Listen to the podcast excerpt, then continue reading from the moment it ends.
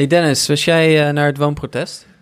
Nee, ik was thuisgebleven omdat ik mijn vlinderstruik moest snoeien. Je was thuisgebleven omdat je vlinderstruik moest snoeien?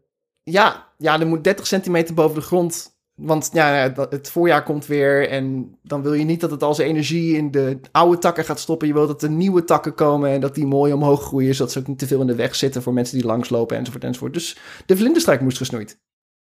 Ehm, ja, ik denk dat je toch wel weer hieruit ziet dat je, eh, als het gaat om eh, solidariteit, je niet op woningbezitters hoeft eh, te rekenen.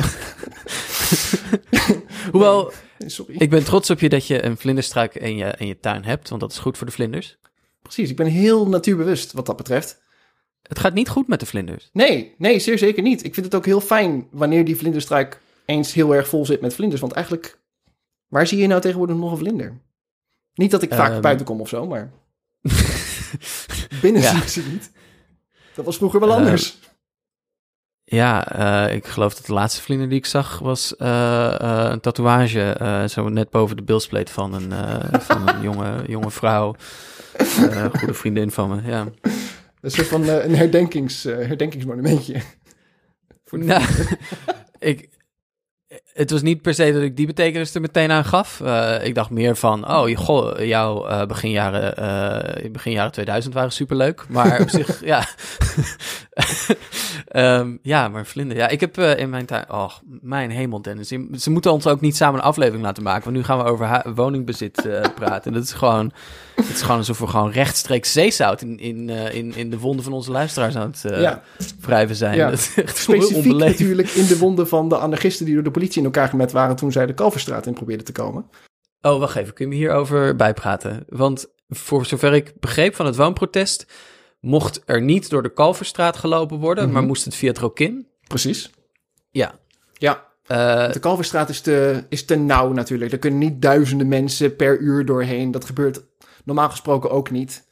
nee, ik heb, ik heb zelf lang in Amsterdam gewoond... en ik ken de Kalverstraat heel goed... en daar was het altijd ongelooflijk rustig. Je kon daar zeg maar een kanon aan het begin zetten... en dan schoot je een kogel gewoon naar het einde... zonder dat je ooit iets raakte. ja, precies. Ja. Notoir uitgestorven Kalverstraat.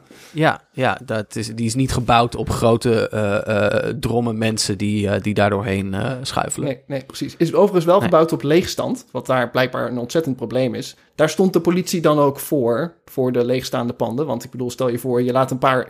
Dat is natuurlijk wel een beetje een klassiek verhaal. Je laat een paar anarchisten in de buurt van een leegstaand huis... en twee dagen later komen ze ineens van binnen dat huis eruit. Zo van, hallo, we hebben dit gekraakt.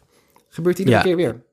Ja, seem- seems to happen. Ja, Ja, oké, maar de anarchisten die probeerden dus de Kalverstraat toch via de Kalverstraat te gaan lopen. Ja, nou, wat ik begrepen heb, pro- probeerde eigenlijk het hele protest de Kalverstraat door te lopen. En liepen de anarchisten, eh, of het Black Bloc dan, dat zijn niet per se allemaal anarchisten, maar moi, zo kennen we ze wel een beetje. Hmm. Ehm, volgens mij liep de Partij van de Dieren vooraan, van wat ik eh, uit eh, reports hebben mij dit verteld. Eh. En de Partij van de Dieren... van als er één schaap over de dam is, dan... Ja, precies. En nou, de, de, de PVDD'ers die mochten er blijkbaar nog wel doorheen. Of misschien waren ze net iets te snel of zo, ik weet niet. Of die, die konden dus hoog springen. Eh, dus die mochten er wel doorheen. En toen kwamen, kwam het Black Bloc en die hadden blijkbaar ook een, eh, een, een A-kap spandoek bij zich. Eh, Ja, en daar... are beautiful. Ja. Ja, en, Eh, en- op- ja. op- ter ondersteuning van de Partij van de Dieren, uiteraard. Ja, na- natuurlijk. En ja, ja, ja, je weet wel, de politie, hè, dat, zijn, eh, dat zijn nogal hondenmensen. Mhm. Dus Ja. die, eh, die begonnen gelijk te mappen. En er zijn Wow, eh, toch wel minstens, eh, minstens twee eh, mensen wel flink in elkaar gemapt. Tenminste, van wat dus eh, mijn vrienden hebben kunnen zien. Het zullen er vast wel meer geweest zijn. Maar blijkbaar was de druk zo hoog dat er op een gegeven moment ergens in de veiligheidsdriehoek besluit genomen is om de mensen toch maar door te laten. Dus uiteindelijk is er toch wel door de Kalverstraat gelopen. Van wat Er ik, is wel door de. Kalverstraat gelopen. wat niet mag, kan nog steeds.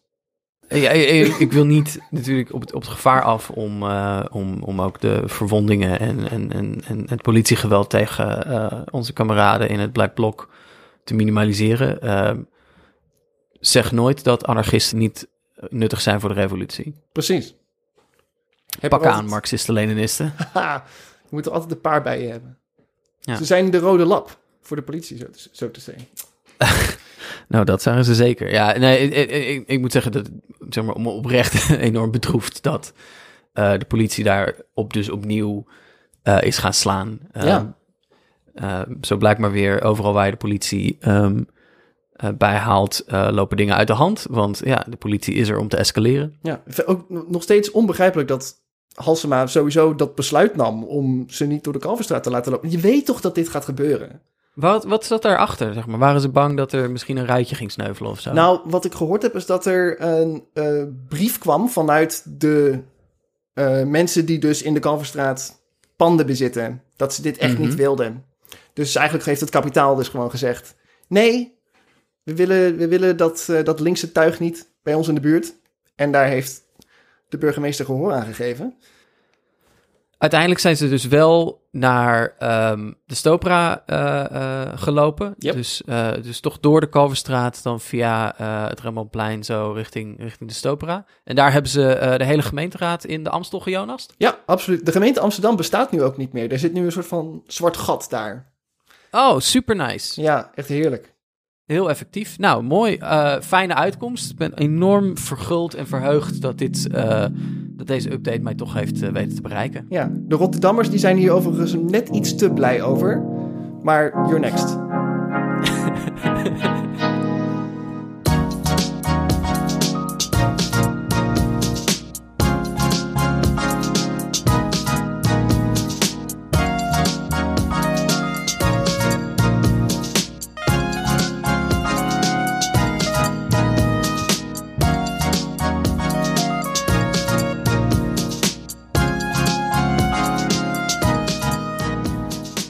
Welkom bij het Redelijke Midden, de podcast die een restzetel heeft in het hoofd van elke VVD'er. Ik ben Dennis en ik zit hier met Thijs. En tot deze zomer ontkrachten wij nog hardnekkige politieke mythes en zetten we er een alternatief tegenover. En de mythe van vandaag is, er valt op links genoeg te kiezen. Eh, aanstaande ma- 15 maart zijn er namelijk weer verkiezingen in Nederland voor de waterschappen en de provinciale staten.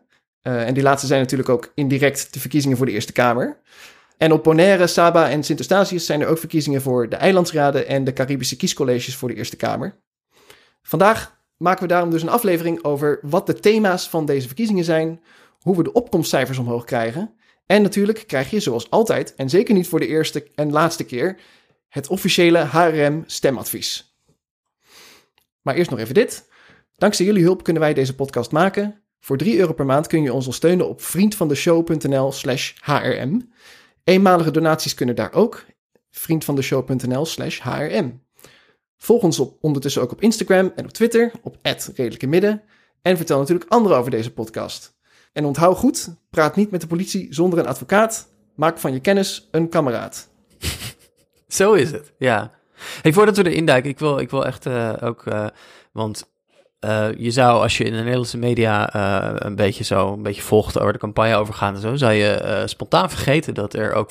Hè, dat Bonaire, Saba en Sint Eustatius ook gewoon onderdeel uitmaken van het, het Koninkrijk. Ehm, ehm, en het is goed om, om, om dat niet te vergeten. Een van de dingen, of de- een aantal zaken die daar spelen op de, op de eilanden, is dat in, in Nederland, we, we hebben het allemaal gehad over de inflatie.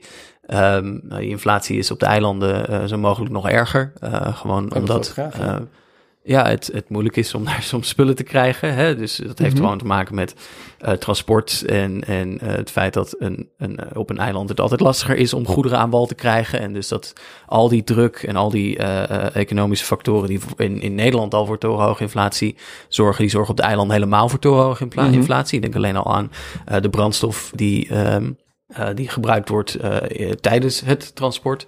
Een van de dingen die ook speelt is eh, de, de sterke afhankelijkheid op die eilanden van bijvoorbeeld vliegtuigvervoer, maar ook bootvervoer tussen Ja. de eilanden.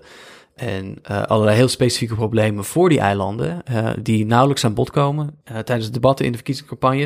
Het lijkt wel alsof alle partijen, ik zeg alle partijen, maar ik moet natuurlijk altijd zeggen met uitzondering van bijeen, die daar wel aandacht voor heeft, ere wie ere toekomt, Mhm. eh, vergeten dat dit deel van het koninkrijk gewoon een deel van het koninkrijk is, waar Nederlandse burgers wonen, die belangen hebben en rechten. Ja, Ehm, en het is, eh, het is eigenlijk een grof schandaal dat, ik zeg dat met, met, een, met een soort van bittere, bittere lach, maar het is een grof schandaal dat daar niet, eh, niet meer aandacht voor is. ja, absoluut. En ze kunnen ook pas sinds volgens mij vorige verkiezingen echt een stem uitbrengen voor de Eerste Kamer. Sinds, sinds in 2019 konden zij voor, hadden zij voor het eerst kiescolleges voor de, Ja. voor de Eerste Kamer. Want het is, ze tellen natuurlijk niet als echte provincie. Nee, dus ze stellen natuurlijk een- niet echt mee. Nee, ze zijn openba- openbare lichamen of zo. Ja, Het is een, eh, Ehm, vreemde, vreemde term die we daarvoor hebben. vreemde term. Ja, dus ze mogen nu wel stemmen, eh, maar dat betekent natuurlijk nog niet dat journalisten, programma's, Nee. politieke partijen, campagnes zelf de gepaste aandacht hebben voor, voor, voor die openbare lichamen. Nee, precies. Hey Dennis, ehm, provinciale statenverkiezingen. Ehm, Mhm. Kun je alle twaalf prov- eh, provincies opnoemen? Nee, Weet je, wat een weet je überhaupt wat een provincie is? dat is wanneer je niet gewoon in Amsterdam woont, toch? Ja, klopt. Ja, als je dus niet normaal in de Randstad van Amsterdam woont, dan woon je in een provincie. Ja, wat, weet jij maar ze weet wel? jij of ik alle twaalf provincies weet? Ja? Zeker. Nou, Ehm, laat maar zien dan. Wacht even hoor. Eh, ehm, Brabant. Aha, Eh, Groningen. aha. Ja, hoor je veel over. Eh, Polder. Mhm. Ja, woon ik zelf in. Bijbelbelt. Woon ik ook in. Veluwe. Ja. eh Sneekweek. Mm. Oh, dat is mijn favoriet, denk ik. Bierkate. TV-tas. eh, Keukenhof. Eh Drielandenpunt. Eh, die ene met de hunnebedden waar de trein onder gestopt en binnenring. Ja, Ja. precies. Dat zijn, dat zijn ze allemaal. Ja, nu je het zo zegt, dit heb ik allemaal gewoon meegekregen op, eh, op de basisschool. Ja, Ja. Ja. stuk voor stuk. Ja. Stuk, dat zijn ja, de twaalf officiële Ja, provincies. nou van, laat dus niemand, niemand ooit het redelijke midden ervan beschuldigen dat wij niet weten wat de namen van de twaalf provincies van Nederland zijn. Ja, En als ze Eh, ooit naar ons toe komen en zeggen: Hallo, waar is Utrecht? Wie de fuck heeft ooit van Utrecht gehoord? Weet je wel, who cares? Utrecht? Ja, weet je wel. Dat is een stad, dat is geen provincie. Lul niet slap van. Sukkel. Ja. Ehm, ja, ik ben zelf, ik kom uit zelf, eh, kom ik dus uit Veluwe. Ja. Eh, dat, is waar, dat is waar de koning, koning jaagt. Oh ja. Anders, Ja. als dat niet zo was, dan zou het niet meer bestaan, denk ik. Eh, nee, nee, dat, eh, dat, eh, dat klopt. Ja, ze, het is waar de koning jaagt, waar ze het Krullenmuller Museum hebben en witte fietsen. Oh, waar mensen nog wel eens opgegeten worden door een wolf. Gaat gebeuren. Is dat zo? Ja. Super vet. Sowieso. Ja, ja, ja. Ik, vind ook, ik, ben, ik ben ook onbezinnig team wolf. En ik vind ook, zeg maar, ja, als je, als je niet door een wolf opgegeten wil worden, had je niet in Bergenbos moeten gaan wonen. Precies. Kameraad Wolf zorgt, zorgt ervoor dat, eh, dat, dat Apeldoorn een stukje mooier wordt.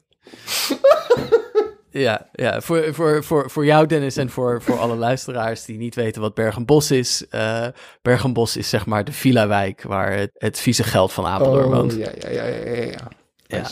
Dat, ligt, dat heel, ligt heel mooi gesitueerd zo tegen de rand van de Veluwe. Ja. Dus daar kan de wolf zo doodgemodereerd op zijn dode akkertje zo daar eh, ja, naar, de, naar Bergenbos wandelen. Heerlijk. ja. Eh, is, is de wolf trouwens een thema in deze provinciale statenverkiezingscampagne? Nou, op, op verschillende manieren wel, eigenlijk. Het is niet een enorm thema op, op zich, maar ik denk dat voor de kiezers van de, van de boer-burgerbeweging en, eh, en, en misschien het CDA ook nog, nou dat loopt eigenlijk momenteel een beetje leeg naar de boer-burgerbeweging, maar goed, dat het, eh, dat het wel zeer zeker een, een rol speelt, maar meer op een metaforische manier, manier dan op een heel directe manier. Ze zullen zeggen dat ze zich heel erg zorgen maken om de wolf, maar wat ze Mhm. eigenlijk willen is gewoon zeiken op GroenLinks en mensen die team wolf zijn, eh, omdat ze dan weer zeg maar zo'n manier zien van... oh nee, onze belangen worden aangevallen en dat soort dingen. En natuurlijk is de wolf een uitstekende manier om het over immigratie te hebben... zonder het direct over immigratie te hebben. Want de wolf is ook Oh, zo'n... dit is, Ja. dit is een, een warme take. Eh, maar dit behoeft toelichting. Nou, de wolf is natuurlijk heel lang weg geweest... en komt nu weer terug Nederland in vanuit, eh, vanuit Duitsland...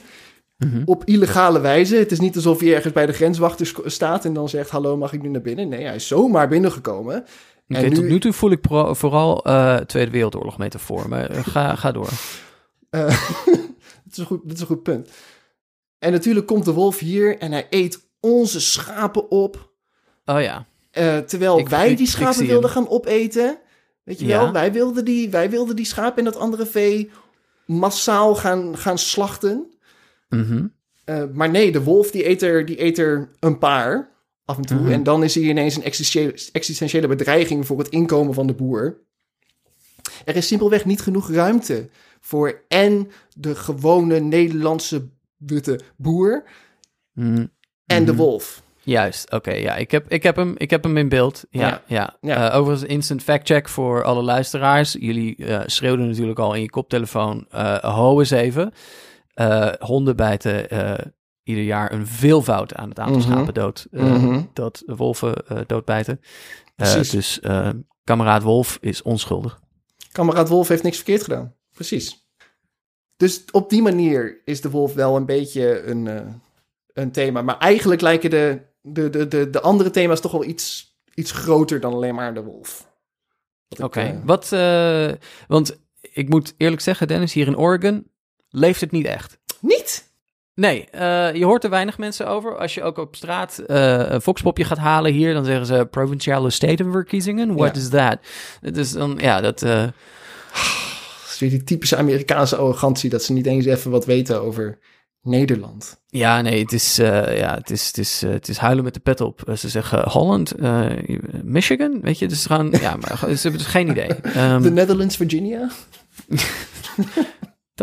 bestaat niet. Nee, het is Holland, Virginia volgens mij ook, of niet? Nee. Nee, is het echt Holland, alleen maar Virginia? Holland? Is, er is toch ergens helemaal in het, helemaal in het oosten ook nog eentje? Verdomd, er is een Holland in Virginia. Yes! Oh! Zie, de- en dit is weer die verrekte asymmetrie, hè? Maar Ik niet weet- vernoemd naar Nederland, maar naar kapitein John Holland. Oh, oké.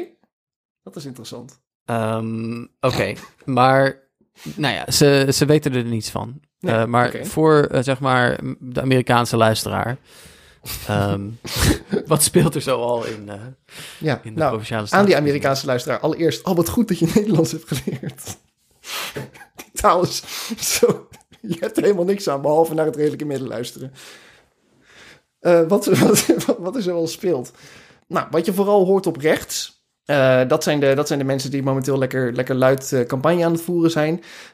Zijn is het toch nou, wel immigratie.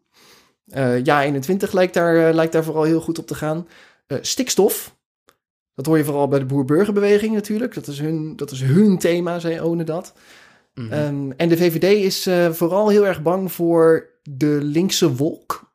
Ehm, de linkse wolk? Ja, de linkse wolk. Dat is eh, ja, de, de- zeg maar de PvdA en, en GroenLinks samen. Dat is de linkse Mhm. wolk. Vinden ze doodeng. Want die mensen die willen belastingen heffen en zo. En goede voorzieningen voor mensen. En de VVD wil dat helemaal niet. Die wil gewoon belastingen verlagen. Overal, in alle sectoren ook bezuinigen. Behalve defensie. Behalve defensie. Behalve defensie, ja. Oké. Ja. Sympathiek. Ja? Ja. Nou, nou, dat, was dus, dat was dus de strekking van het, eh, van het nu.nl met de interview met eh, Edith Schippers, de lijsttrekker van de Eerste Kamer. Voor, eh, Oh, ja, we, we moeten dit even uitpakken, want ik heb gehoord dat het interview dus echt een, echt een treinramp van je welste was. Verschrikkelijk. Van begin tot eind wordt zij Oké. Nou ja, ik bedoel, het fijne is dus dat we, dat we er nog een journalist bij hebben in Nederland die daadwerkelijk kritische vragen kan stellen aan rechtse politici. Eh, dat is goed om te zien. Kunnen we even een shout-out doen naar eh, wie, eh, wie, wie deze interviewer was dan? Edo, de Edo van der Groot? Edo van der Groot, volgens mij. Ja, lekker. Edo, Lekker Edo. lekker gedaan. En nou, toch even wat. ehm, ze stelt bijvoorbeeld. eh, ze maakt zich bijvoorbeeld heel erg zorgen over eh, dat PvdA en GroenLinks graag bij bedrijven winstbelasting willen gaan heffen. Bedrijven als Shell. En dan heeft zij de typische VVD-reactie. Oh nee, maar als wij be- belasting gaan heffen op grote bedrijven, dan gaan de grote bedrijven hier misschien weg. En dan vinden ze ons, ons niet meer lief. En het is toch wel heel belangrijk dat bedrijven ons lief vinden, want de economie, weet je wel. Aha. Het is echt, eh, ik, ik, ik, ik, heb, ik heb helemaal een beeld bij dit interview ook. Want je leest dus in dit interview dat ehm, er, er komt een vraag eh, doet ze eerst, dan doet Schippers dus eerst een soort van schreeuw van... Mhm. Oh, dat is actueler dan ooit. Ja. En eh, het gaat de hele tijd over iets anders. En alles is actueler dan ooit. Ja. Ehm, Oh, het moslimfundamentalisme. het moslimfundamentalisme, ja. Actueler dan ooit. Ja, maar ook ehm, Poetin. Ja, ja. Dat is nu, het is actueler dan ooit, dat moslimfundamentalisme. Maar het belangrijkste, dat is Poetin. Ja, maar ook de economie. Mhm. Want die defensiebegroting moet toch ergens van betaald worden. We kunnen niets anders dan heel veel geld steken in defensie momenteel. Ehm, wat ook wel raar is, want het gaat op zich best wel goed met de economie. Dus ook weer, waar maakt ze zich zo druk om? En dan komt eigenlijk het, eh, het, het, het dodelijkste stukje in het interview. Is wanneer, er dan, wanneer ze dan er toch voor uitkomt dat ze in principe voor belastingverlaging op alles is. Op alles. Lasten op arbeid, lasten op winst, lasten op vermogen. Allemaal verlagen. En dan zegt de journalist, helemaal terecht, dat kan toch niet? Met haar antwoord, wel als we zorgen dat de economie groeit en de overheid kan simpelweg minder uitgeven. Oh, eenvoudig. Ja, Heel eenvoudig. De overheid kan, kan minder uitgeven. Ja. Dat wil ze op zich volgens mij niet heel graag bezuinigingen noemen. Want de journalist zegt dat zijn bezuinigingen, maar, maar zij noemt het de uitgaven minder laten stijgen. Oké. In alle Ja. sectoren moet je, wat, wat gewoon betekent in alle sectoren wat minder doen. Dus in de zorg kan er minder. Mhm, Ik weet niet of Edith Schippers ooit nog zonder gewapende beveiliging een zorginstelling in Nederland wil kunnen betreden. Maar, maar ze doet nu wel heel erg haar best om te zorgen dat dat niet meer kan. Ja. Maar goed, dus wel gewoon al het geld houden bij, bij Defensie. En dat is dan waarschijnlijk allemaal voor de beveiliging van Edith Schippers. Ja. Oh, mijn hemel. Wat een, wat een, wat een af... Oké, goed. Ja. Dit is vreselijk. Ehm, Ja. wat, eh, wat stelt... eh, wat stelt de, nou, dit... Zo'n... zo'n ja, dit stuk wrakhout van een, van een eh, eh, campagne, van een eh, politieke prioriteiten. Dit gaat natuurlijk helemaal nergens over. Eh, dit, Dennis, ik kan me alleen maar voorstellen, is lekker scoren voor de linkse wolk. Absoluut. Oh, die linkse wolk die gaat er goed op, jongens. Die heeft Ja. zulke fantastische, radicale plannen om daar tegenin te Ja, gaan. links is lekker bezig. Ja, ja. Oh, gewoon ja. GroenLinks, Links. PvdA, hop. eh Ja, ja, die gaan er hard in. Ja, precies. Die hebben gezegd, gratis OV Oh, gratis OV! voor mensen onder een bepaalde inkomensdrempel. Boe! Het is een pilot. Het is een experiment. Oh, een pilot. Mhm. Mijn hemel. Om te testen of dat wel zou werken. Gratis OV. Want Zo. in Duitsland lijkt het te werken. Dus we moeten eerst even... Niet dat het in Duitsland gratis is, maar heel goedkoop. Dus we moeten eerst toch even hier wel even gaan proberen of het wel kan. Want als links hebben we natuurlijk... We moeten natuurlijk niet als links zeg maar idealen hebben. Of standpunten waar we achter staan. Zoals dat Ja. het openbaar vervoer openbaar en daarom gratis zou moeten zijn. Ja. Of, of althans extreem goedkoop. Precies. Ja. Toegang, zeg maar, toegankelijk voor iedereen. Nee, inkomenstoetsen. Waarom? Ehm, ik snap het niet helemaal. Het is, eh, er gaat echt iets mis ook in de manier waarop dit soort plannen soms worden gepresenteerd. Hè? Dus eh, voor, vooropgesteld, eh, het is kennelijk bedroevend gesteld met het taalonderwijs in Nederland. Want in heel veel omringende landen, in Duitsland, maar ook in landen wat, wat, wat verderop, hebben ze het OV ongelooflijk goedkoop gemaakt voor iedereen. En hier moet het dan weer dan, oh ja, dan moet het weer een pilot met dan inkomensafhankelijk. Inkomensafhankelijk is natuurlijk verschrikkelijk. Inkomensafhankelijk betekent vooral, wij gaan eh, heel veel ambtenaren ongelooflijk veel geld geven om eh, allerlei formulieren op te stellen en te controleren. Eh, en we gaan er ook voor zorgen dat iedereen voor wie dit bedoeld is, namelijk de mensen met een heel laag inkomen, volstrekt geen tijd en, en energie hebben. Want als je niet veel geld verdient, dan kan ik vertellen, is het laatste wat je wil doen om eh, half tien s'avonds nog even over de formulieren heen gaan. Eh, al je. Ja, al je, accept, eh, al je, al je afschriften eh, zo eraan aan, aan nieten en dat dan op de bus gaan zitten doen. Mhm. Ik weet het nog uit, uit een tijd dat ik ook actief was in de politiek van Amsterdam. Zodra je iets dan. eh inkomen, gingen ze dus dingen inkomensafhankelijk maken. Van, oh ja, we hebben al regelingen. Dus je kunt als je dan tot aan 120% van het sociaal minimum of zo verdiende. Mhm. Dat is echt geen vetpot. Dan kon Nee. je dus allerlei beroepen doen op gemeentelijke regelingen. Bijvoorbeeld voor het aanschaffen van, eh, van witgoed, van, eh, van een koelkast. Mhm. Maar ook voor eh sportspullen voor je kinderen als die naar de sport moesten. of zou, graag zouden willen, want de aanschaf van, van sportspullen is hartstikke duur. Mhm. Kon je allerlei formulieren invullen. En daar bleek dan uit, uit de evaluaties van dat soort regelingen, dat net iets minder dan 40% van de rechthebbers, die maakt daar gebruik van. Zo. Ja, ja, dus ruim 60% die wist de weg niet naar die voorzieningen te vinden. Nee. En dan was de oplossing van de gemeente formulierenbrigade. Nog meer ambtenaren die dan op zoek gingen naar mensen die niet wisten hoe ze die papierwinkel moesten afhandelen. Ja. eh, eh, om ze dan helpen bij het eh, invullen van die formulieren. Dus, dus de, de oplossing voor ambtelijk falen was altijd meer ambtenaren. Ja. Eh, ja, liefst met een andere naam en functie. ja, precies. Ehm, ja, daar is de bureaucratie wel goed in. De oplossing voor Daar is de bureaucratie heel goed in, inderdaad. Meer Ja. bureaucratie. Check ook onze bureaucratieaflevering. Maar de manier, er is ook iets eigenaardigs aan de manier waarop dit soort plannen wordt eh, gepresenteerd. Eh, dus een GroenLinks-Kamerlid, Kautar Bouchaglit, ehm, die zegt dan... Het OV moet een primair basisrecht zijn. Mm, Ik juichen. Top. Maar eh, niet iets waarmee geld wordt verdiend. Ik Eh. nog harder juichen. Ik ben het hiermee eens. Weet je, Ja. eh, je, je- ik, vind het, ik vind het aanvaardbaar dat je, eh, een, een, een, zoals in Duitsland, een, een, een heel bescheiden bedrag vraagt voor een treinreis of een busreis. Maar dat je als publiek, in- eh, dus als je als overheid, dat je toelegt op het OV. Dit is, dat, dat, dat is ongelooflijk eenvoudig voor mij. Eh, en overigens, weet je, wij, wij, wij maakten zojuist natuurlijk gekscherend, maakten we grappen over van, oh, wat zijn de provincies? Nou, de, we hebben de provincie Bierkeet en Brabant en, eh, en, en regio. Maar het OV is natuurlijk, eh, eh, ze- het OV is de afgelopen 10, 15, 20 jaar in de kleinere dorpskernen, in, in de kleinere steden, eh, extreem hard achteruit gegaan. En als je dat eh, combineert met bijvoorbeeld het voorzieningenniveau, die ook achteruit holt in de, hele, in de kleinere dorpen. Die stromen leeg, er is sprake van soms krimp.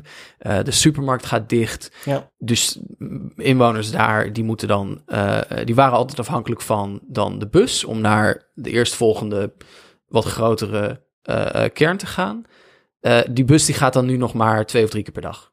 Precies. Weet je wel? Ja. Ehm, dat, dat, dat is waar het om gaat. Weet je, de mensen hebben altijd het idee van, ah, OV, dat is iets voor zeg maar de, de vlotte randstedeling die dan zeg maar in Utrecht woont en in Den Haag naar werk gaat en weet je, dat is zo'n op zo'n ministerie werkt. Mhm. Eh, nee, OV is essentieel voor juist voor eh, de kleinere dorpen en steden, voor de bereikbaarheid eh, die, die nu echt achterblijft. Maar goed, dan wordt zo'n plan gepresenteerd. Het moet een basisrecht zijn, iets waar geld wordt verdiend. Supergoed. En dan alsnog wordt ineens een soort rare beweging gemaakt, alsof zeg maar de schuldige criticus in het hoofd al aan het protesteren is. Hè? De, de boze witte man die, die eh, zonder huur te betalen in het hoofd van elke linkse, eh, eh, elke linkse persoon eh, woont. Om dan te zeggen, we beginnen met een pilot en het inkomensafhankelijk. Ja. Lo- los, los van, zeg maar, ja, dat psychologische element van, oh ja, we- meteen al beginnen met het compromis, meteen al beginnen met de piezen.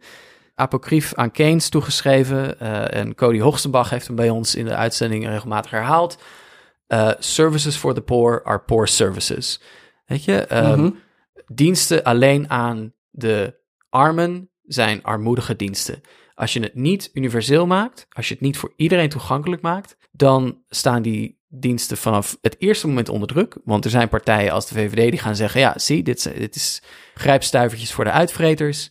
Eh, van uw belastingcenten, eh rijke Ja, patjepeers uit Bussum en Blaricum. Daar gaan we dus lekker in snijden. Terwijl als je het universeel toegankelijk maakt, dan heb je een veel grotere hoeveelheid van de bevolking die gaat dan, eh, daar, die maakt gebruik van zo'n dienst. En hey, verrassing, verrassing, verrassing. dan blijkt het ook veel moeilijker om zo'n dienst weer af te schaffen. Want Ja. eh, iedereen ervaart daar dagelijks de vruchten van. En dan, zeggen, eh, dan komt er altijd een bij de handje. Zonder, sorry dat ik zo doorschreeuw hoor. Maar er komt altijd een bij de handje. Die komt dan zeggen van... Oh, ja, maar wil je dan dat ook miljonairs eh, met eh, zomaar gratis met de bus mogen?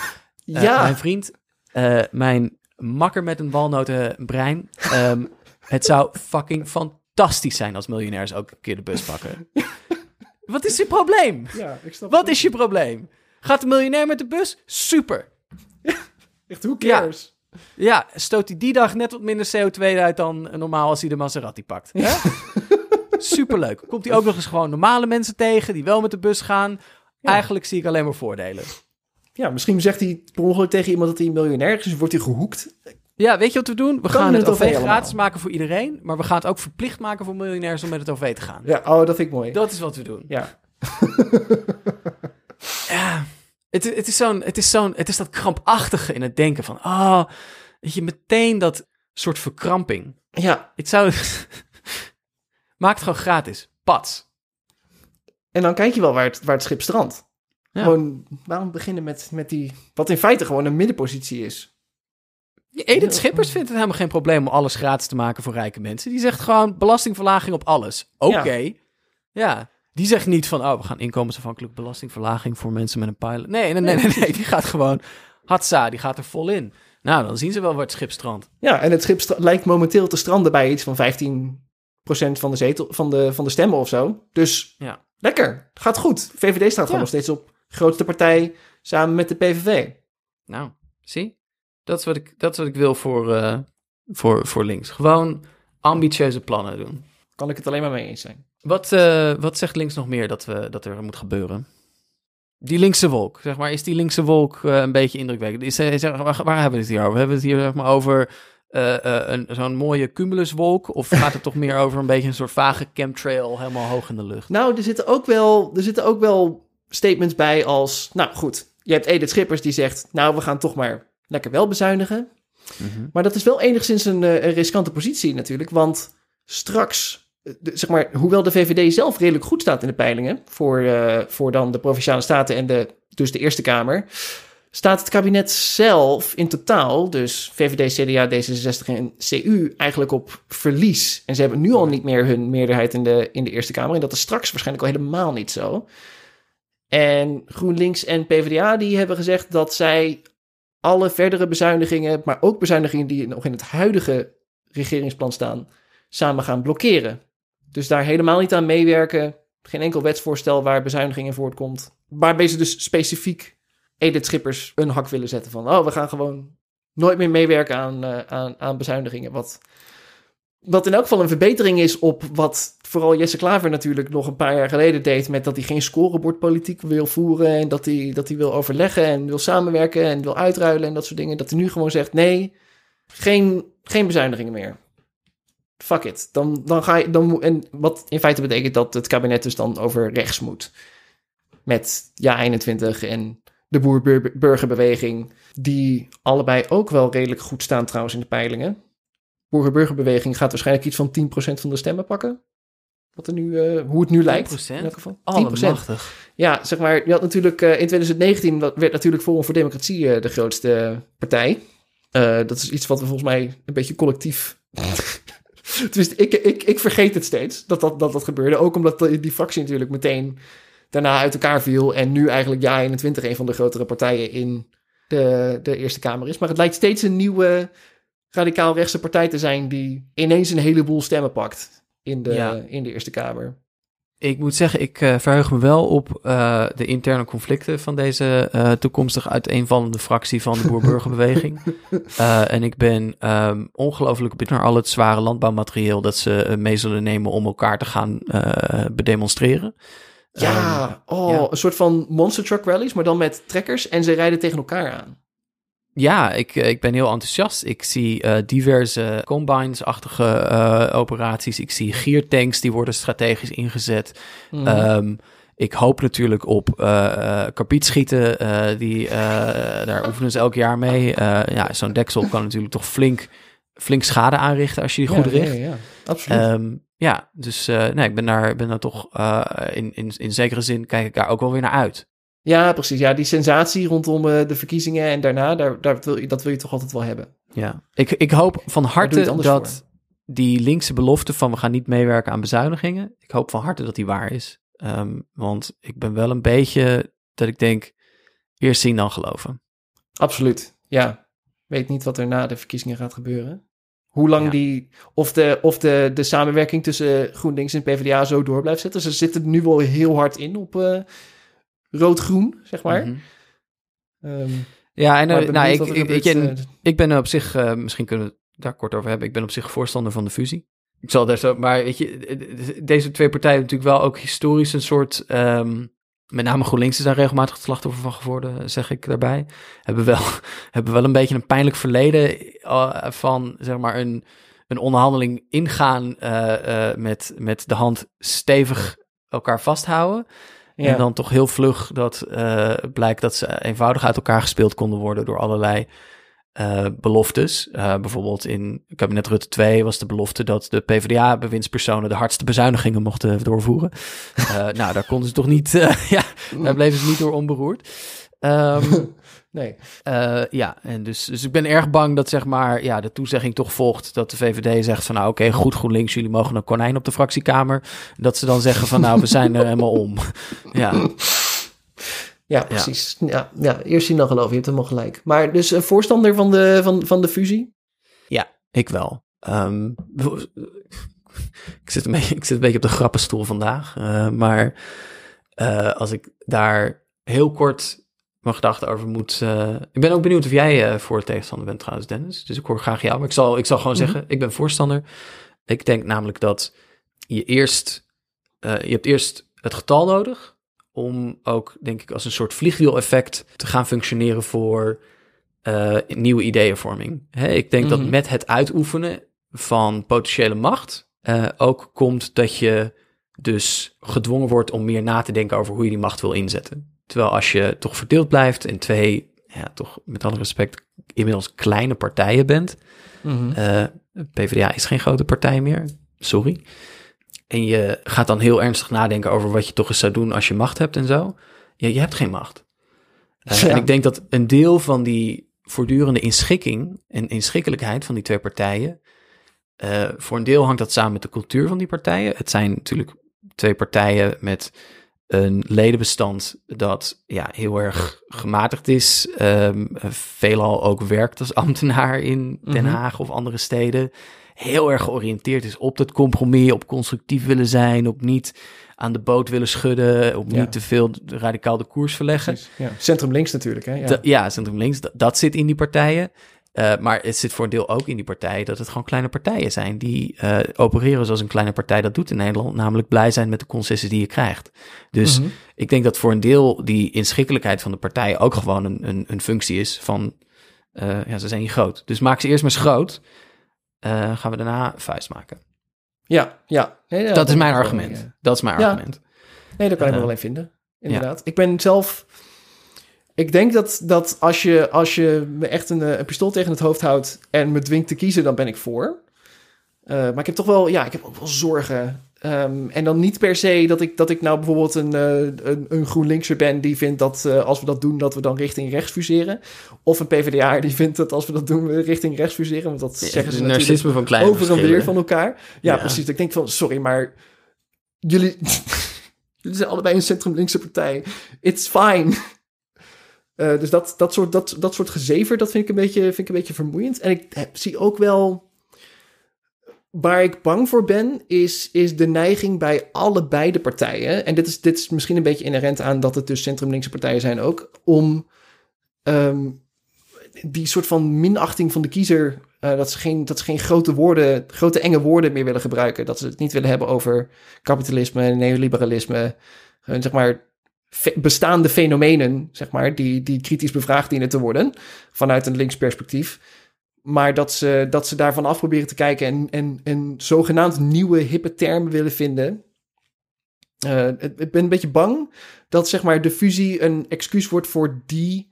Het kan zeg maar twee kanten op gaan. Het kan mm. ofwel een hele mooie ideologische vernieuwing brengen, of mm -hmm. het kan nog verder het afschudden van de ideologische veren betekenen.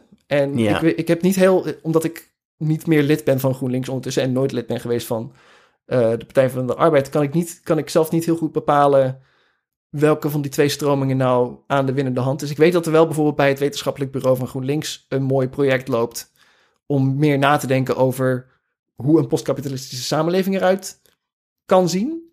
En ik hoop dan dat in een gefuseerde partij dat project uh, kan blijven leven en, en ook uh, een belangrijke invloed kan gaan uitoefenen op, op hoe de partij erin staat tegelijkertijd, nu, nu je zo ook het hebt over dat wetenschappelijk bureau en dat project, begint mij toch ook weer een angstig gevoel te bekruipen. Want ik kan mij ook herinneren, enkele weken geleden, eh, interview met directeurs van het wetenschappelijk bureau, van zowel GroenLinks als van de PvdA, Noortje Ja, Thijssen en Tim S. Jongers, die ehm, eh, dus eigenlijk inderdaad ook zeiden van, oh nee, geen grote woorden gebruiken, niet kapitalisme hebben, maar het gaat gewoon over Ja, kleine dingen. Oeh, daar sprak geen intellectuele, eh, daar sprak geen intellectueel zelfvertrouwen uit. Daar sprak ook geen intellectuele overtuigingskracht en überhaupt ideeënkracht uit. Nee? Ehm ik gebeurde vond er ook dat, iets heel ja, apart ehm, over, de, over de industriële revolutie. Dat zeg maar dat links geboren was uit de industriële revolutie en, en, en weerstand tegen de gevolgen daarvan. En dat was natuurlijk allemaal helemaal waar en zo. Maar nu staat links voor een nieuwe uitdaging en dat is dan de groene revolutie. En dat werd, dat werd gepresenteerd als een, als een historische parallel, maar dat is het niet. dat, nee. En- Hmm, dat is heel, dat is heel vreemd. Gebeurde daar een aantal dat- dingen waar ik niet helemaal enthousiast over ben. Nee, nee dus, dat, dus dat, ja, nee, die, die angsten deel ik eh, inderdaad. Maar ja, eigenlijk, eigenlijk, eigenlijk maakt het me niet zoveel uit. Omdat ik zeg maar van, van buiten dus zie van... oké, het zijn twee centrumlinkse partijen... die willen fuseren tot een grotere centrumlinkse partij. Moet je lekker doen. Doen jullie dat maar. Ik maak me meer zorgen om zeg maar de, de links van linkse partijen... en of die wel eh, nog een, een vinger in de pap kunnen, kunnen houden ergens. Wat bijvoorbeeld tijdens deze verkiezingen niet gebeurt... want bijeen doet niet mee aan de Provinciale Statenverkiezingen. ja, bij één doet niet mee aan de Provinciale Statenverkiezingen. Ja, waar ik toch is, wel eh, ook een beetje tegen een, ehm, een probleem aan begin te lopen zelf, eigenlijk. Want ik ehm, deed dus laatst de Provinciale Statenverkiezingen kieskompas voor mijn eh, regio. Oké. En ik eh, kwam natuurlijk Keukenhof? uit op het... Ke- Keukenhof, precies. Ja. Eh, nee, ik ben polder, volgens mij. Nee, ik ben Nee, niet polder. jij bent is- Keukenhof. Nee, ik ben Keukenhof, oké. Ehm, en ik kwam natuurlijk uit op het redelijke midden, namelijk helemaal linksbovenin. Ja, flex. Ja, en en eh, ja, het probleem was dat er eigenlijk geen partijen in de buurt waren. Daar. Mm. Je hebt natuurlijk zo'n mooi, krijg je zo'n mooi kompasje en dan de bubbeltjes met alle partijlogos. Mhm. En het dichtstbij, het dichtbij ligt dan zeg maar ergens vooral iets verder naar, naar, het, naar onderen, zeg maar. Ja. Ligt, eh, ligt de Partij van de Dieren. Oké. Ehm, daar heb ik al eerder op gestemd eh, tijdens, de, tijdens de gemeenteraadsverkiezingen hier. En ik was op zich wel redelijk tevreden over die stem. Maar de lijsttrekker van de Partij van de Dieren in mijn provincie is een voormalig leidinggevende bij de politie. En ik. ehm, ik, Oh. ik weet niet. Ik weet niet of ik kan. Of ik, of ik Van de politiehonden? ah, wel. nee, eh, maar volgens mij wel eh, onderdeel geweest van de, van de politie te paard. Eh. En ook eh, specifiek dan, ja, dit is natuurlijk waarom ze bij, bij de Partij voor de Dieren zit, bij, eh, bij de afdeling dierenmishandeling. Zeg maar de afdeling dierenmishandeling door mensen die niet de politie zijn. Niet de afdeling dierenmishandeling wat de hele politie is. Ja, precies. ja. Wel, Als je de politie belt, dan komen ze om je hond dood te schieten, zeg maar. Ja, precies. Of om een eigen hond mee te nemen die vervolgens jou lekker kan. Ja. Ja. Dus ehm, ja, en ik weet niet of ik zeg maar in goed geweten kan stemmen op een partij die, die een politieagent aan het, eh, eh, als lijsttrekker heeft. Dat vind ik gewoon heel raar. Oké, maar de linkse wolk, eh, dat misert ook voor jou. Dat gaat ook niet gebeuren. Dat, nee, dat gaat me gewoon niet. Nee, nee. Nou, Volt, Eh, de mooie linkse partij Volt. oh ja, de mooie linkse unblemished partij. Volt. Nee, Nee, nee, nee. Gaat, hem, niet. gaat hem niet worden. ja. En dan kom ik toch een beetje op, zeg maar, de, de vraag blanco stemmen. Nou, ik heb, eh, ik heb eigenlijk het beste advies eh, als, voor stemadvies, als je het wil, als je het wil horen. Dit Absoluut. werkt, ja, je moet naar het stembureau gaan met je stempas natuurlijk en met je eh, identiteitsbewijs, want dat heb je nodig. Ja. En dan moet je aan ehm, de voorzitter van het stembureau vragen of je je stem, of je die zeg maar mag vasthouden. Zeg maar dat je hem dus even op de bank zet, zeg maar. eh. Voor eh, de eerstvolgende verkiezing waar je wel op een linkse partij kunt stemmen. Dan kun je dan twee keer stemmen. Ja, dus dan gebruik je hem nu oh. niet. En dan bewaar je hem dus. Je spaart je stem.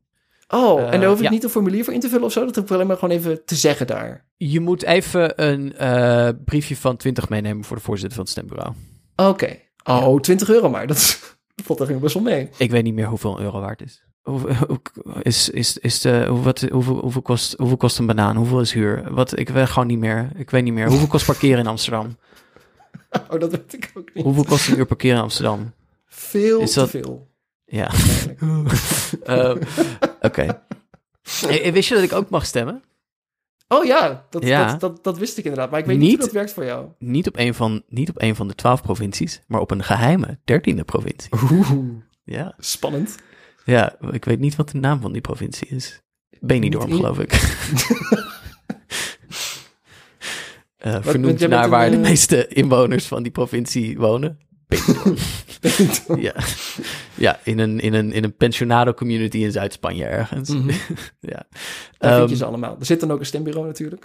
eh, daar zit een stembureau. En je kunt er, je kunt daar, je kunt er na, naar het stembureau gaan en je kunt er ook een nasibal bestellen. Oh, heerlijk. ja, heerlijk. Ja, maar ik kan dus, ik mag ook stemmen. Hoewel, Je bent eh, een, een niet ingezetene, toch? ik ben er niet ingezetene, maar ik kan dus, dus nu stemmen voor de Eerste Kamer. Oké. Op een re- meer rechtstreekse manier dan, dan jullie, want jullie stemmen dus op een, een lid van de Provinciale Staten die dan lid, stemt op een, eh, op een kiesman, eh, kiespersoon, lid van het kiescollege. Ja. Ehm, ja, eh, waarmee ik, ik alleen maar wil zeggen, kijk, wij, ik kan dat dus rechtstreeks doen. Eh, terwijl in jullie geval zit daar nog een suffer tussen die het verkeerde potlood kan gebruiken. Want dat gebeurt kennelijk ook elke keer dat de provinciale statenverkiezingen zijn. Dan is er zeg maar, ik weet niet of dat dan een week of twee weken daarna is of zo, maar dat is altijd zo ergens. Dat is een van de eerste dingen doet die de provinciale staten dan doen op, nadat ze zijn geïnstalleerd. Dan gaan ze Mhm. dus kiezen voor de Eerste Kamer. En dan is er altijd wel ergens een sufferd in Gelderland of in Noord-Holland of zo. En die gebruikt dan zeg maar niet het potlood, maar gewoon zeg maar eh, de balpen die ze in hun binnenzak hadden. En dan is hun stem ongeldig. Oh. En dan krijgt altijd eh, eh, de PVV een extra zetel. Het is gewoon, zo gaat het. Het is ook altijd zeg maar ja, een D66er of een andere sufferd die zoiets, eh, zoiets doet. Ehm, het is, Het is, ook, het verschrikkelijk. is ook een directe correlatie. Het is één ongeldige stem is één zetel voor de PVV. Ja, dat is correct. Ja, dus het is Ja, een hele hoge, fucked up een hele hoge eh, omzetting hier ook. Ja. Maar goed, ik mag dus wel rechtstreeks stemmen op dat kiescollege in mijn geheime dertiende provincie met de naam Oké. Benidorm. Ehm, en eh, ja, eh, maar goed, ik heb, ja, ik weet, weet, weet je wat, weet je, dus er is ook actief sprake overigens, kan ik dat even nog vertellen, even onthullen Uh-huh. aan onze luisteraars. Dus actief sprake hier van kiezersonderdrukking. Want je krijgt dus in de post, je moet eerst moet je jezelf dus aanmelden van, hey, ik wil stemmen, dan moet je eh, formulier invullen en ondertekenen, moet je opsturen. Eh, en dan krijg je dus een, een stempas. En dan moet je ook, dan krijg je per e-mail, krijg je nog iets, dat moet je dan zelf printen. Dus je moet in dit hele proces, moet je meerdere malen zelf iets printen. Nou ja, iedereen onder de 35 heeft fucking geen printer. Ik weet niet Nee. wat ze daar denken in Den Haag. Maar dit, hier worden gewoon, eh, hier worden millennials en, en Gen Z'ers gewoon keihard genaaid. Die kunnen hun stem niet uitbrengen. Ja, hoe, hoe de fuck ga je printen dan? waarom, waarom is dit geen thema? Weet je wel? Voor de, voor de provinciale staten. Vind ik echt belangrijk. Omdat we geregeerd worden door boomers. Is zo. Ja, goed punt. We worden geregeerd door ingezetenen. Dus wat ga, wat ga jij stemmen als, eh, als niet-ingezetene, Thijs? Eigenlijk. Ik, eh, ik, ik, neig, ik, ik neig ook naar Partij van de Dieren. Eh, ik heb het geluk dus dat, ik, dat er bij mij niet een ex-politieagent tussen zit, kennelijk. ja, oh ja, maar ik heb nog niet helemaal besloten. Het is of Partij voor Dieren of Blanco. Ik, ik vind Blanco stemmen overigens een belangrijk krachtig signaal. Ik hoor wel eens mensen daarover zeggen van... nou, je moet niet Blanco stemmen. Je moet wel Blanco stemmen, want daarmee geef je aan twee belangrijke dingen. Eén, ik ben bereid om te stemmen. Ik wil stemmen. Ik wil meedoen aan dit democratisch proces. Twee, eh, alle keuzes in deze Agenebi snackbar zijn echt fucking kut. En ik ga dus niets hier... Ik ga wel naar de snackbar toe en ik ga in de frituurlucht zitten, maar ik ga niets eten. Dat is wat je zegt als je blanco stemt. Ja? Dus het is een soort offer dat je maakt met je eigen tijd om te zeggen: jullie menu is kut, zorg voor betere partijen. Hm. Ja, oké, helder, helder. Ik moet zeggen dat ik dan toch zelf denk van... kan die tijd niet beter... Ja, ik bedoel, de, de, de, de proporties zijn niet helemaal niet, eh, niet, eh, niet gelijk natuurlijk. Maar kun je niet beter dan zeg maar stemmen op een partij... Die, waarvan je dan nog kunt zeggen van... oké, die kun je nog een soort van accountable houden voor hun, hun daden... en daarnaast dan dus werken naar zelf een betere, linksere partij opzetten bijvoorbeeld? Ja, Eh, misschien wel, maar ja, hoe vaak hou jij een partij accountable? Zeg maar, e-mail jij, e-mail jij eens in de zoveel tijd naar, je, naar het raadslid in jouw gemeente van... Ja, hey, nee. eh, Ik zelf inderdaad niet, maar misschien is dat ook wel is iets dat juist aangeeft van hoe, hoe, eh, hoeveel belang ik hecht aan dit soort, dit, dit soort verkiezingen. Dat ik, eh, dat ik denk van, hecht ik er genoeg belang aan om blanco te stemmen? Want dan stem je eigenlijk, je stemt dan voor, wel voor het systeem zonder er verder iets mee, zonder er verder eigenlijk iets over te zeggen. Snap je? Ja, maar ik, ik, ik, zie, ik zie het net wat anders. Want ik, ik, voor mij zit in het feit dat jij dus... In, hè, dat, dat jij en ik, want ik, ik e-mail ook niet echt gemeenteraadsleden. Ehm, eh, althans, eh, niet onder mijn eigen naam. Ehm, eh, dit is een grap. Ehm, maar eh, dat, dat ik denk van oké, hè, dus, dus, dus, we, komen er, we komen op het punt van oké, nou, dit is dus niet iets wat we doen. Hè, we stemmen één keer en daarna ja, gaan we dus niet heel, heel eh, erg in de gaten houden wat er dan eh, wordt gebeld. Voor mij is dat een argument om te zeggen oké, het klopt dus dat we iemand daar ons willen hebben vertegenwoordigen waarvan we eigenlijk denken, nou de komende vier jaar, ik hoop dat het, ik hoop dat we het voor 80, 80% eens gaan zijn. Doe je Mhm. best. Maar dat je dus niet voortdurend bezig bent om zo'n persoon ook van je eigen input te voorzien. Voor mij is dat een bevestiging van eh, je, je moet kunnen stemmen op een partij of een vertegenwoordiger die je echt eh, vertrouwt. En anders dan. Hè, dus dus die blanco stem is een signaal van er is niemand die ik hier mijn stem wil, wil machtigen. En natuurlijk moet eh, alle andere dagen van het jaar en alle andere dagen van die vier jaar, die er gelegen zijn tussen de, tussen de verschillende stembusgangen, moet je ehm, op duizend en één andere manieren werken om de linkse wereld dichterbij te brengen. Het is niet one and done. Nee, dat, nee, dat is zo. Er moet natuurlijk zeker buiten het stemmen om. Stemmen is, is niet het, hoofd, het hoofdmiddel en misschien niet eens het belangrijkste middel. Maar wel iets waar je je toch ook wel mee bezig moet houden. Ja. Oké, Ga dus wel Eh, stemmen ga absoluut, ga absoluut op 15 stemmen. maart. 15 maart. Behalve als je rechts bent, ga dan stemmen op 17 maart. Eh 14 maart heb ik gehoord. Oh, eh, wacht even. Of is het 20 maart? Ik heb geen idee. Maar linkse mensen moeten stemmen op 15 maart. Dat is in Ja. ieder geval... Dat is Linkse mensen moeten stemmen op 15 maart. Als je rechts bent, dan moet je stemmen op, eh, check het even, 17 maart is het. Ja. Ja, oké, goed. Ja. Nou, fijn dat we dat even helder gemaakt hebben. Als je in het midden zit, Als je ook, eh, als, je, eh, als je rechts bent overigens en je denkt van nou, dit klopt niet, want op mijn stempas staat eh 15 maart, dan ben je dus, dan hebben ze je de verkeerde eh, stempas eh, gestuurd. Mhm. Je kunt die ook herkennen aan, ehm, aan de kleur. Eh, eh, dat is eh, een beetje een soort zalmroze. Ja. Ehm, Ja. Dat is, ja, ja, dat is inderdaad niet... Ja, is een beetje een link. Het heeft wat van, van rood weg. Dat is dus de linkse stempas. precies. Ehm, jij moet, eh, deze mag je verscheuren. Eh, Zo grondig mogelijk het liefst. Zet hem daarna ook nog even in de fik. eh, ja, en dan eh, moet je even, een, eh, even bellen met de gemeente. Dan krijg je een nieuwe.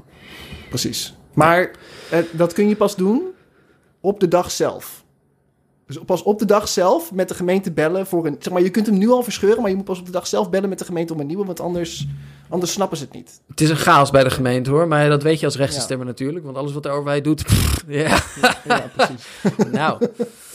Te druk uit het raam kijken, of niet dan? Ja. Ehm, Nou, het is fijn. Ik, weet je, wel, ik vind het wel fijn dat we zeg maar zulke bruggenbouwers zijn. Dat we zowel links als rechts hier stemadvies hebben kunnen geven. Ja, Dennis, wij zijn niet voor niets het redelijke midden. Absoluut. Over het redelijke midden gesproken, hebben wij een redelijke midden van deze week. Ja, zeker Thijs. Die hebben we. Kom maar door. Dankjewel, Dennis. Eh, het redelijke midden van deze week is... Het kabinet reageert weliswaar niet voor de verkiezingen inhoudelijk op het eh, parlementair onderzoeksrapport over Groningen. Maar daar staat tegenover dat ze na de verkiezingen er ook geen verantwoordelijkheid voor zullen nemen. Het is eh, niet grappig omdat het waar is. Ja. Jezus. Daarmee, eh, lieve luisteraar, lieve kameraad, lieve vriend van de show, zijn we aan het einde van deze aflevering. Hartelijk bedankt weer voor het luisteren. Al onze bronnen eh, kun je terugvinden in de show notes op onze website. Eh, zelf bronnen, zelfs bronnen die we waarschijnlijk niet eens hebben aangestipt, want zo zijn we ook wel weer. Mhm. Mocht je bijzonder hebben genoten van deze aflevering, eh, deel hem dan met je geliefde. Met je Tinder-date, met vrienden, familie, collega's, kringverjaardag en met je kameraden. Uh, je kunt ons altijd steunen op vriendvandeshow.nl slash hrm. Dan krijg je bovendien toegang tot onze vetcoole Discord server en onze bonusafleveringen. Uh, waarvan Ja. we er eindelijk meer aan het maken zijn ook. Dus het, het is echt wat waard. Je kunt ons volgen op Twitter en Instagram. Daar zijn we redelijke midden. Uh, vragen, complimentjes, memes, ideeën voor nieuwe afleveringen of kritiek. Of je stempas als je rechts bent, kun je ons sturen via de mail naar het redelijke midden gmail.com. Um, we zullen je dan een uh, postbusadres geven voor die stempas. Vertel ons gerust wat je wil horen in het nieuwe seizoen. Dat gaan we na de zomer opnemen. Uh, maar we zijn al bezig met het uh, nadenken over de ideeën. Wij zijn benieuwd naar jullie input. Dus alsjeblieft, heb je een mail? Stuur een mail. Hartelijk bedankt voor het luisteren. Tot de volgende keer. Joe. Houdoe.